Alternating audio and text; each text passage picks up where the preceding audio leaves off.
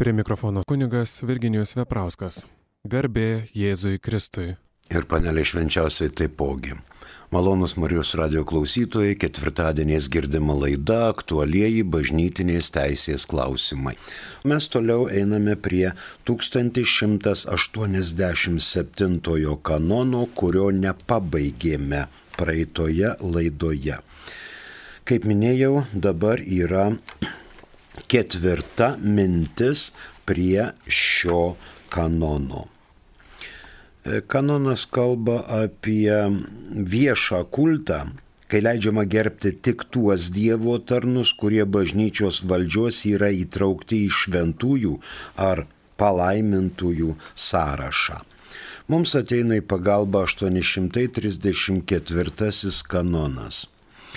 Pareiga šventinti bažnyčią ypatingų būdų vykdo per šventąją liturgiją, laikoma Jėzaus Kristaus kunigiškosios tarnybės, tarnystės vykdymu.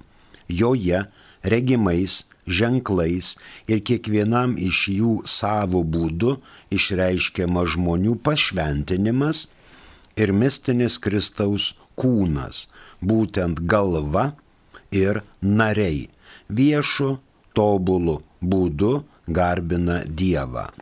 Toks kultas teikiamas tada, kai atliekamas bažnyčios vardu teisėtai paskirtų asmenų ir bažnyčios valdžios patvirtintais veiksmais. Tai liečia tiek palaimintuosius, tiek šventuosius ir jiems teikiama kultą.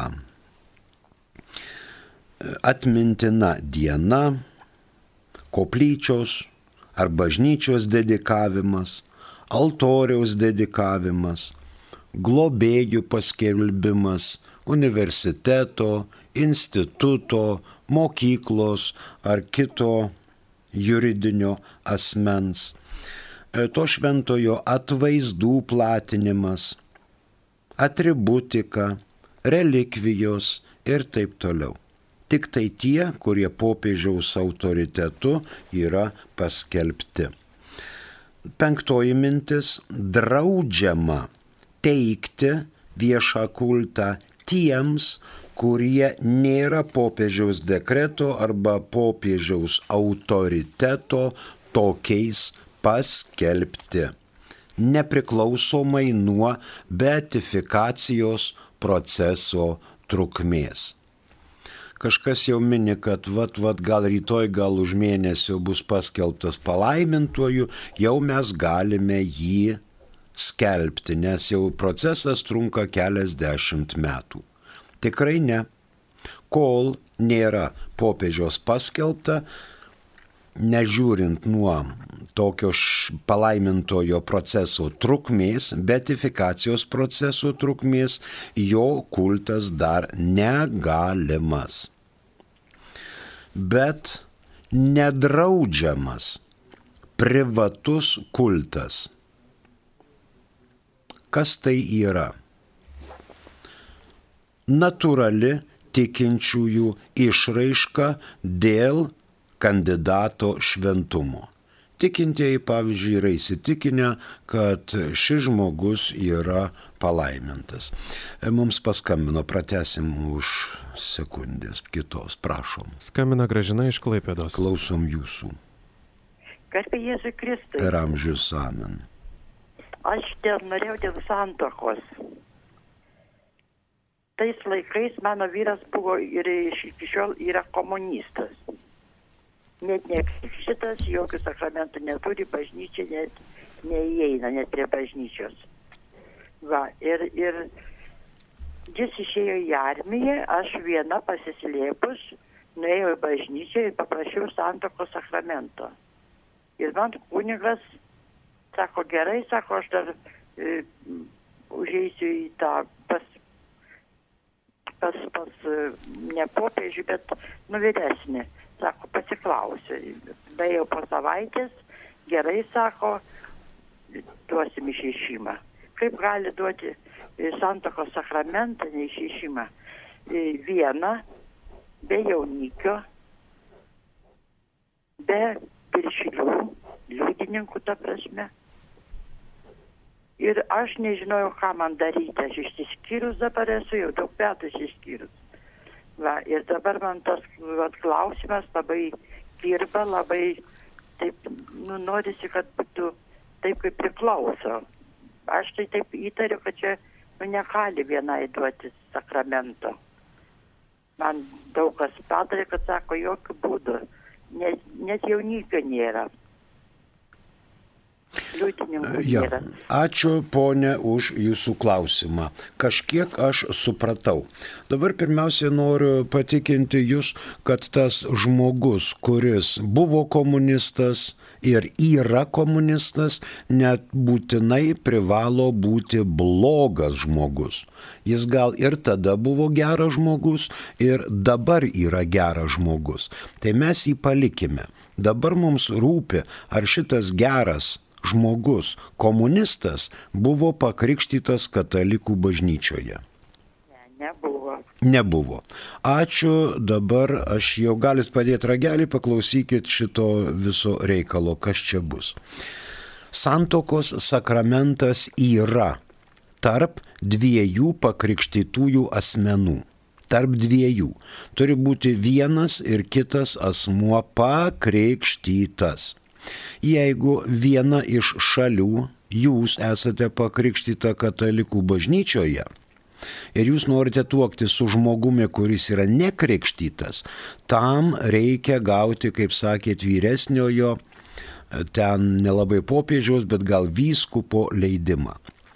Jūs turėjote pasimti rašiklį ir parašyti situaciją. Aš labai myliu savo vyrą, kuris yra komunistas, kuris yra nekrikštytas ir kuris net ir dabar laikosi komunistinių pažiūrų. Aš labai jį myliu, jis labai mane myli. Tačiau mes negalime imti santokos sakramento, nes jis į bažnyčią net kojos nekels. Jūs su šituo raštu supažindinate kleboną, klebonas važiuoja pas vyresnįjį ir vyresnysis dar gali būti pasiklausinėti jūsų arba situacijos ir gali suteikti jums santoką, kuri nėra šliūbas, kuri nėra sakramentas.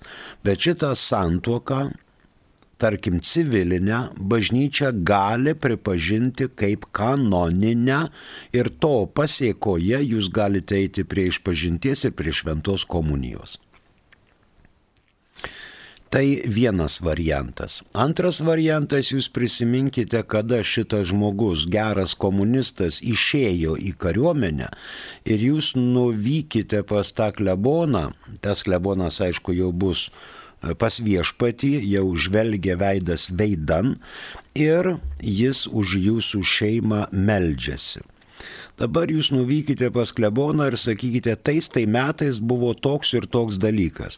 Klebonė, kai važiuosite pas vyskupą Algirdą Jurevičių, galbūt archyvuose rasite maždaug ta, apie tą mėnesį prašytą dokumentą, kad mano santoka būtų pakelta į kanoninį lygmenį ir pripažinta.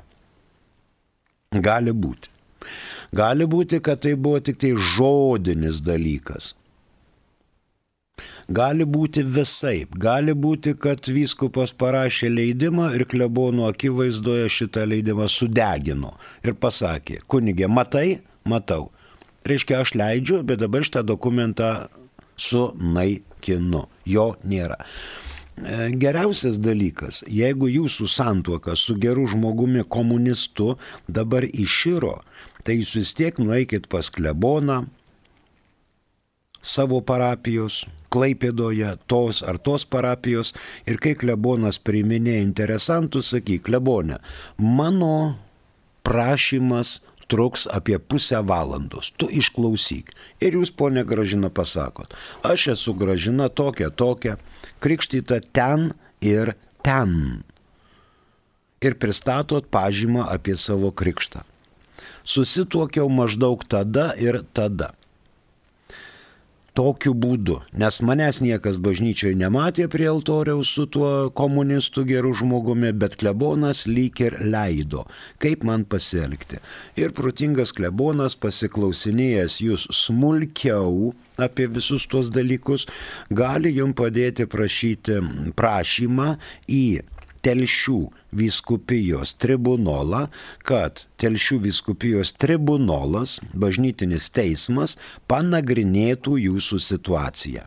Juolab, kad dabar jūs esate išsiskyrę. Galbūt geras žmogus buvo komunistas, kaip girdėjot, buvo armijoje, gal po to buvo maremanas, e, reiškia į jūrą eidavo, žvejot arba kariniais laivais, čia neturi reikšmės. Bet jūs išdėstykit, kad jum būtų aiškumas ar jūsų santoka buvo pakelta į kanoninį lygmenį ar nebuvo. Jeigu nėra jokių dokumentų, ten piršliai mirė, liudininkai mirė, jų iš vis nebuvo, tai galbūt šitos santokos ir nebuvo. Bet jums yra abejonė. Jūsų abejonę gali išsklaidyti telšių vyskupijos bažnytinis teismas. Tik jūs surašykite, kad jūsų prašymas būtų įvilktas į tam tikrą teisinį futliarą, į teisinius rėmus, kad jie e, teisme žinotų, ne kad mano vyras geras komunistas, bet jisai turėjo irgi vardą, turėjo pavardę, turėjo gimimo metus, jūs taip pat gyveno ten, nuėjot pas tą kleboną į ten mažąją Klaipėdos bažnyčią, tuo metu klebonavo va ten tas ir tas ir panašiai nueikit pas kleboną, kad jūsų e, išsklaidytos būtų abejonės, kurių šiuo metu turite. Kai teismas išsklaidys abejonės, tada jūs būsite rami. O dabar nuo šiandien pradėkite melstis, kad Dievas šventoji dvasia jūs išklausytų ir padėtų išspręsti šitą abejonę. Bažnytiniai teismai tam ir įsteigti, kad išsklaidytų tikinčiųjų abejonės. Buvo santoka, nebuvo santokos ir taip toliau. Ačiū už klausimus. Primenu, kad girdite laidelę aktualiai bažnytinės teisės klausimai. Laidelė girdima Marijos radio bangomis ketvirtadieniais. Toliau kalbame apie 1187 kanoną. Kas buvo draudžiama girdėjote, bet nedraudžiamas šventųjų privatus kultas, dar nepaskelbtų šventaisiais. Naturali tikinčiųjų išraiška dėl tikinčiųjų įsitikinimo, kad šis kandidatas yra šventas. Tai turėtų būti spontaniškas nuoširdus, bet ne dirbtinis jausmas arba sužadinimas. Galima lankyti palaidojimo vietą ar kitas su šiuo asmeniu surištas vietas, Atsiminimų rinkimas gali būti vykdomas amžininkų, kurie prisimena.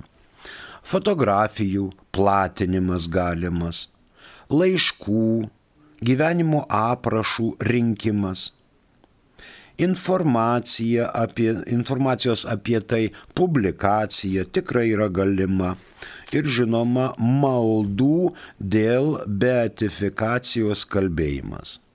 Kad tikintieji prašo, kad šitas kandidatas, šitas asmuo, asmuo kuris yra numiręs šventumo aureolėje, būtų kažin kada ateityje beatifikuotas. Mes turim Kaune čia Adelę Dirsytę ir kitus, Alfonsas Lipniūnas yra panevežyje. Labai prašau, nuotraukos, maldos, atsiminimai, knygos, leidiniai, visas tai yra nedraudžiama. Rytų kanonuose 1187 kanono atitikmuo yra 885. 1187 fiksuojame. Viešuoju kultu leidžiama gerbti tik tuos Dievo tarnus, kurie bažnyčios valdžios yra įtraukti į šventųjų ar palaimintųjų sąrašą. Kitas kanonas 1188. Palaikytina praktika bažnyčiose laikyti šventuosius paveikslus tikinčiųjų garbinimui. Tačiau jie turi būti išstatomi saikingai ir pagal atitinkamą tvarką, kad nekeltų krikščionių tautos nuostabos ir neduotų neteisingo pamaldumo preteksto.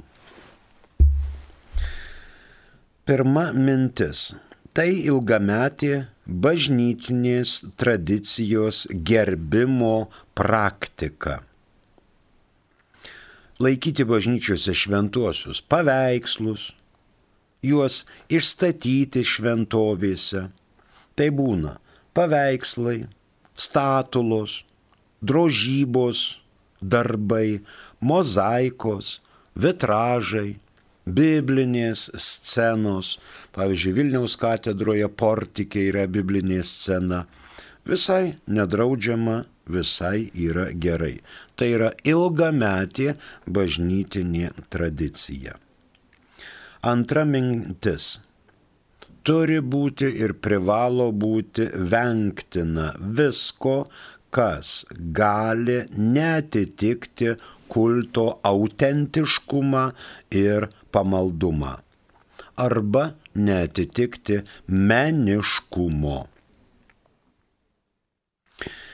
Čia šventųjų atvaizdų šventovėje, bažnyčioje, koplyčioje turi būti saikingas skaičius ir privalo būti išlaikyta hierarchija. Mums vėl paskambino, prašom. Skambina Birutė iš Vilniaus, klausia apie išpažinti. Klausom jūsų. Per amžius savo. Aš turiu du klausimus. Mhm. Bet kad nepamirščiau, pirmą aš jūsų senai noriu paklausti, jūsų asmeniškai, jeigu galit pasakyti, kokioj parapijoje jūs dirbate. Šventos Onos. Dabar antras klausimas. Vilnius ar Kauna? Dabar antras klausimas. Aš dabar dirbu Marijos radijoje. Taip. Mm. Dabar žinau, kad jūs dirbat, bet Ačiū. Vilniaus šventos. Dabar antras klausimas. Dabar Taip. klausimas dėl išpažinties. Taip. Man labai dažnai kyla klausimas, gal čia kaip ir, kaip ir aš jums pasakysiu, gal kaip ir su kokia ironija. Gal mums reikia, nebereikia išpažinties iš viso, juk mes esam visi šventi. Aš kai pasižiūriu bažnyčioje prie langelio, tai būna vienas, du, trys, nu penki, daugiau nebūna. Bet e, komuniją įmam visi. Tai kaip čia, ar čia dabar tas įstatymas toks, aš labai norėčiau, kad pakeistų šitą įstatymą ir sugrįžtų į kokius 50 metus. Ačiū už atsakymą. Dar atsakymų nebuvo, ačiū, kad ponė dėkojate. E, išpažintis yra vienas iš septynių sakramentų, kuriuos administruoja bažnyčia. Kuriuos administruoja bažnyčia. Pirmas - krikštas, antras - sutvirtinimas, trečias - švenčiausias sakramentas, ketvirtas - atgaila. Tai mes galim kalbėti apie ketvirtą Dievo įsakymą, e, Dievo įsteigtą sakramentą kaip po atgailą. Atgaila yra suprantama. Žodžiu, krikštu mums atleidžiamos visos nuodėmės. Tikiu vieną krikštą nuodėmių atleidimui. Aiškiai ir suprantamai Nikėjus Konstantinopolio simbolyje yra parašyta. Ar tu krikštyjesi mažas vaikas, ar suaugęs, ar prieš mirtį, tau atleidžiamos visos, visos nuodėmės padarytos iki krikšto prieimimo. Kūdikis ten aišku nuodėmių neturi, jeigu suaugęs žmogus, tai jau nuo gimimo iki saugimo turėjo ir jeigu senas krikštyjasi, nebuvo pasikrikštyjas, tai jam visos nuodėmės ir bausmės už nuodėmės yra atleidžiamos. Tai tokia mintis pirma. Antra mintis būtų tokia. Po krikšto padarytoms nuodėmėms atleisti yra atgaila arba išpažintis. Tai yra sakramentas, kurį tikintieji privalo atlikti vieną kartą metuose apie Velykas. Apie Velykas. Ir dabar jeigu aš šiandien atlikau išpažinti, aš rytoj nepadarau sunkios nuodėmės, poryt, už poryt ir visą ateinantį mėnesį ir galbūt iki grabnyčių aš nepadarau jokios sunkios nuodėmės. Aš galiu eiti iš, prie komunijos. Šiandien, rytoj, poryt, už poryt, visą mėnesį iki pat grabnyčių kas man gali uždrausti eiti šventos komunijos, jeigu aš nepadariau sunkios nuodėmės. Norint, kad būtų sunki nuodėmė, reikia nusipelnyti.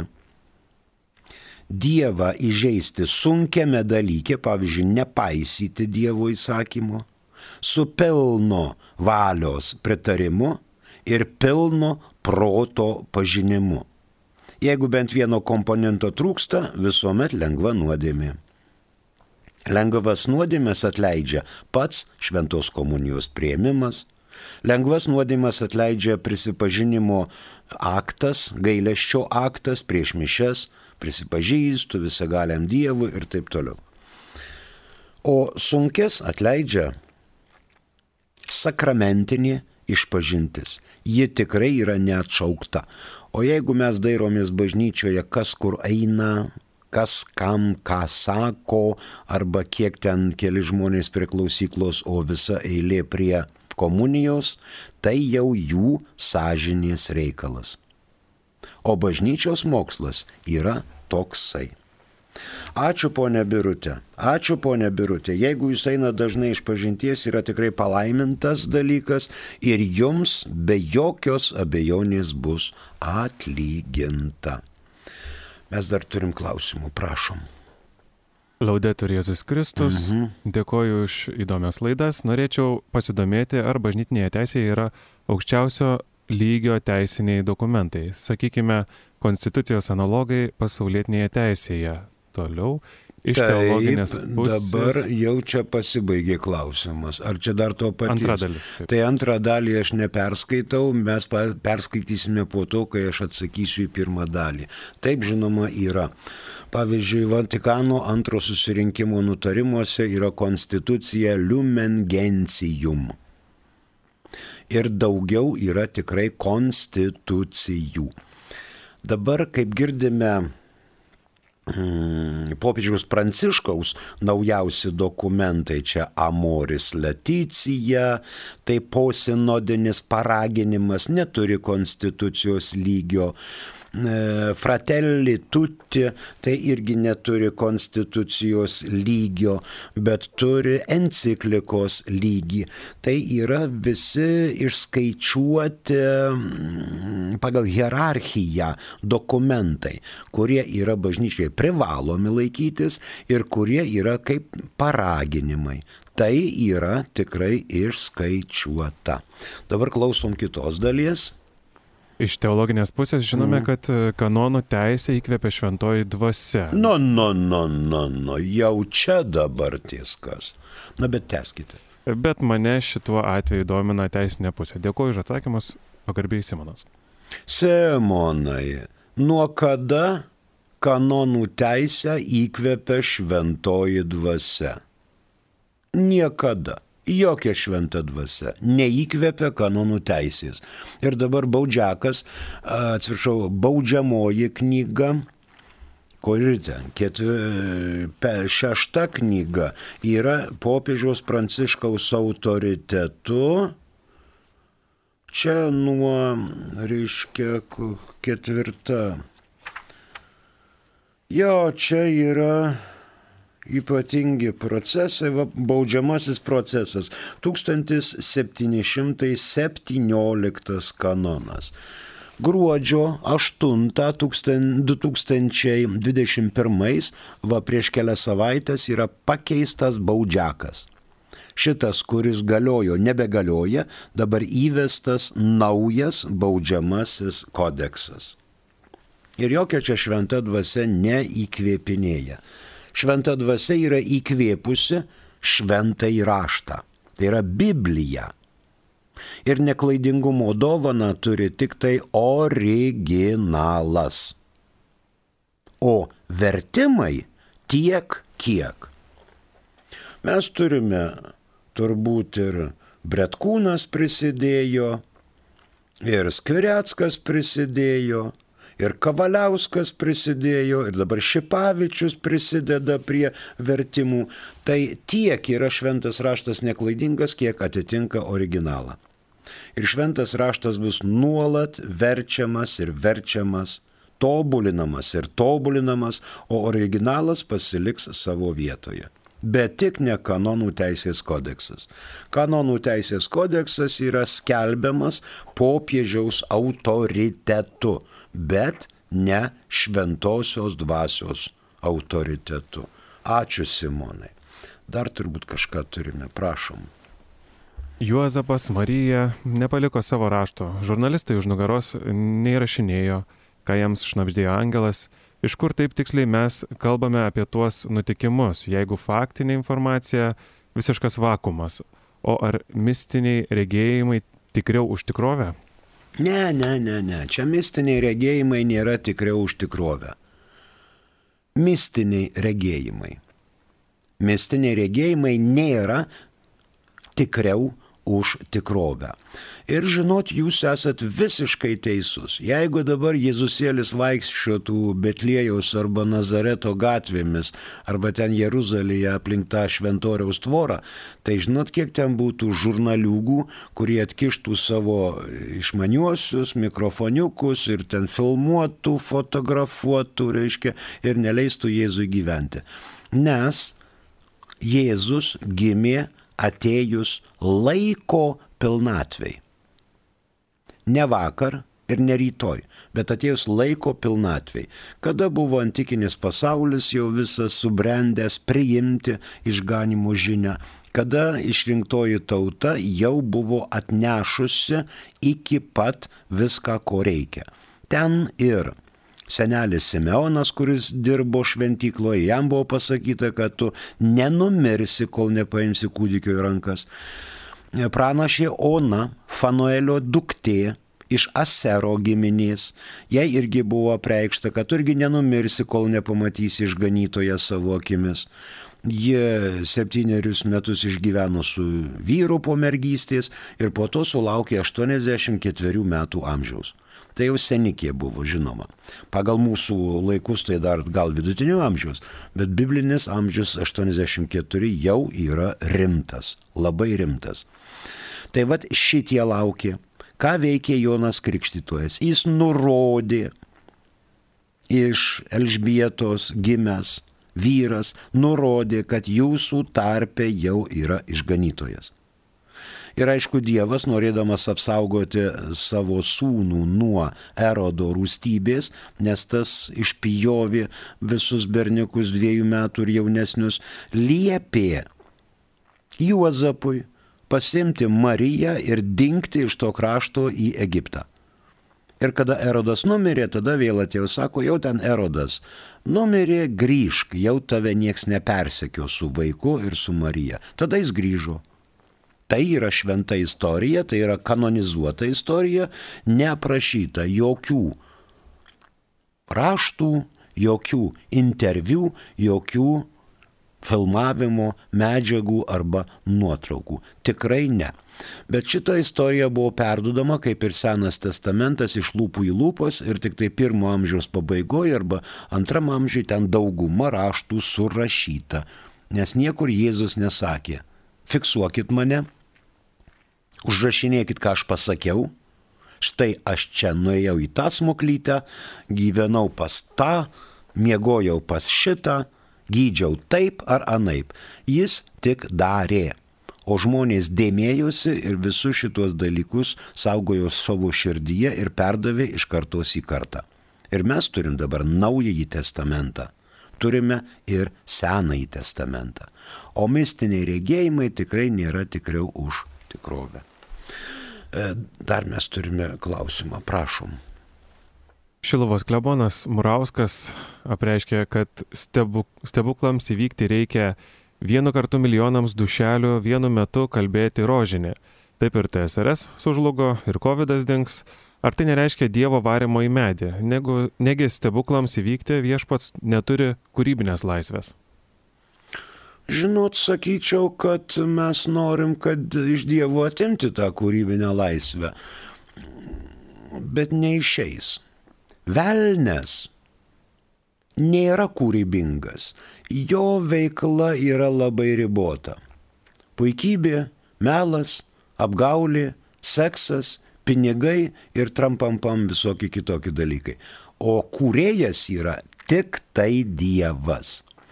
Ir jeigu Šiluvos klebonas Murauskas apreiškė, kad stebuklams įvykti reikia vieno kartų milijonams dušelių vienu metu kalbėti rožinį, tai šitą atsakomybę jis jau ima ant savo šventų kunigiškų pečių. Tvirtai tikiu, kad Murauskas yra labai pakaustytas teologijoje.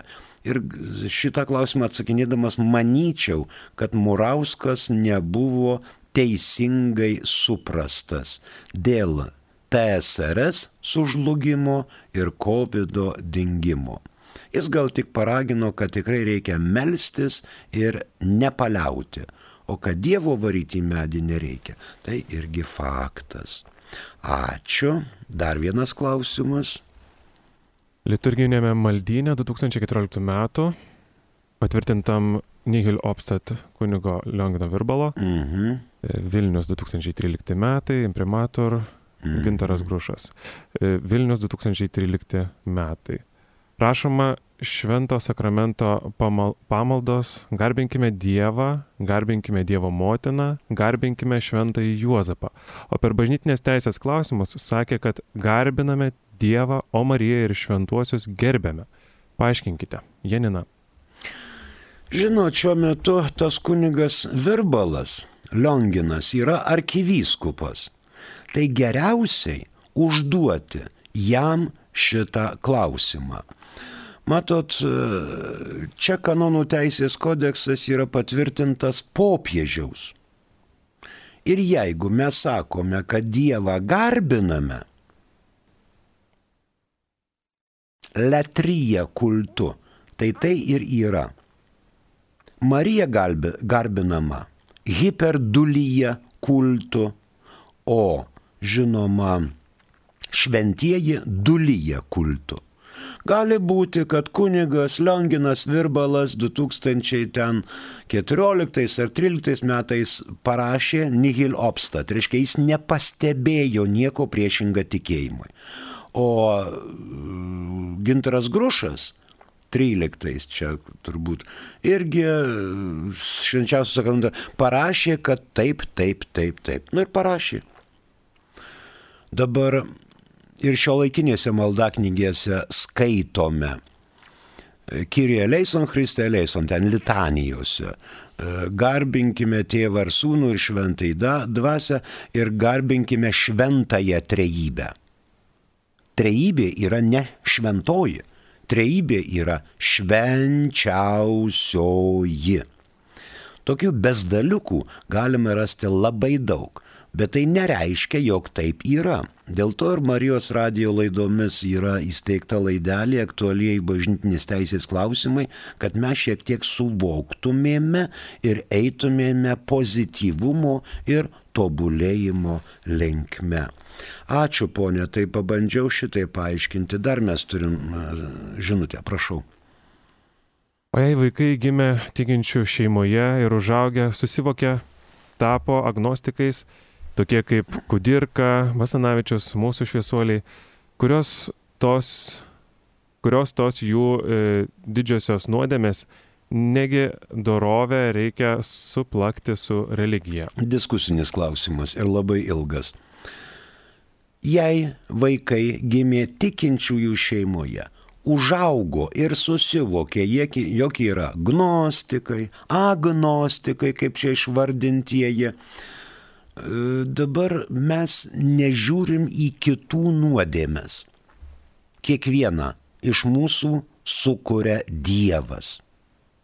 Ir mes savo viduje viską, viską matome. Gal jie buvo, gal jų krikšto tėvai mažai už juos meldėsi, gal gyvenimo aplinkybės, tengi buvo irgi lūžis, 20 amžiaus pradžioje. Prieš tai 19 amžiui buvo ne tik valančius, bet ir strasdelis, visokios gyvenimo aplinkybės. Galbūt mokslas jiems atitinkamas pakenkė, gal jie susižavėjo kitais mokslais ir taip toliau. Mes jų nuodėmių neskaičiuojame. Mes puikiai žinome, kad ir gnostikai, ir agnostikai gali būti puikūs žmonės ir mes juos į pragarą tikrai negrūdame. Laikas ištekėjo, daugiau negaliu skirti, nes išmes iš eterio. Ačiū, prie mikrofono dirbo kunigas Virginijus Veprauskas, iki kitų susitikimų laimingų 22. Ačiū ir sudė.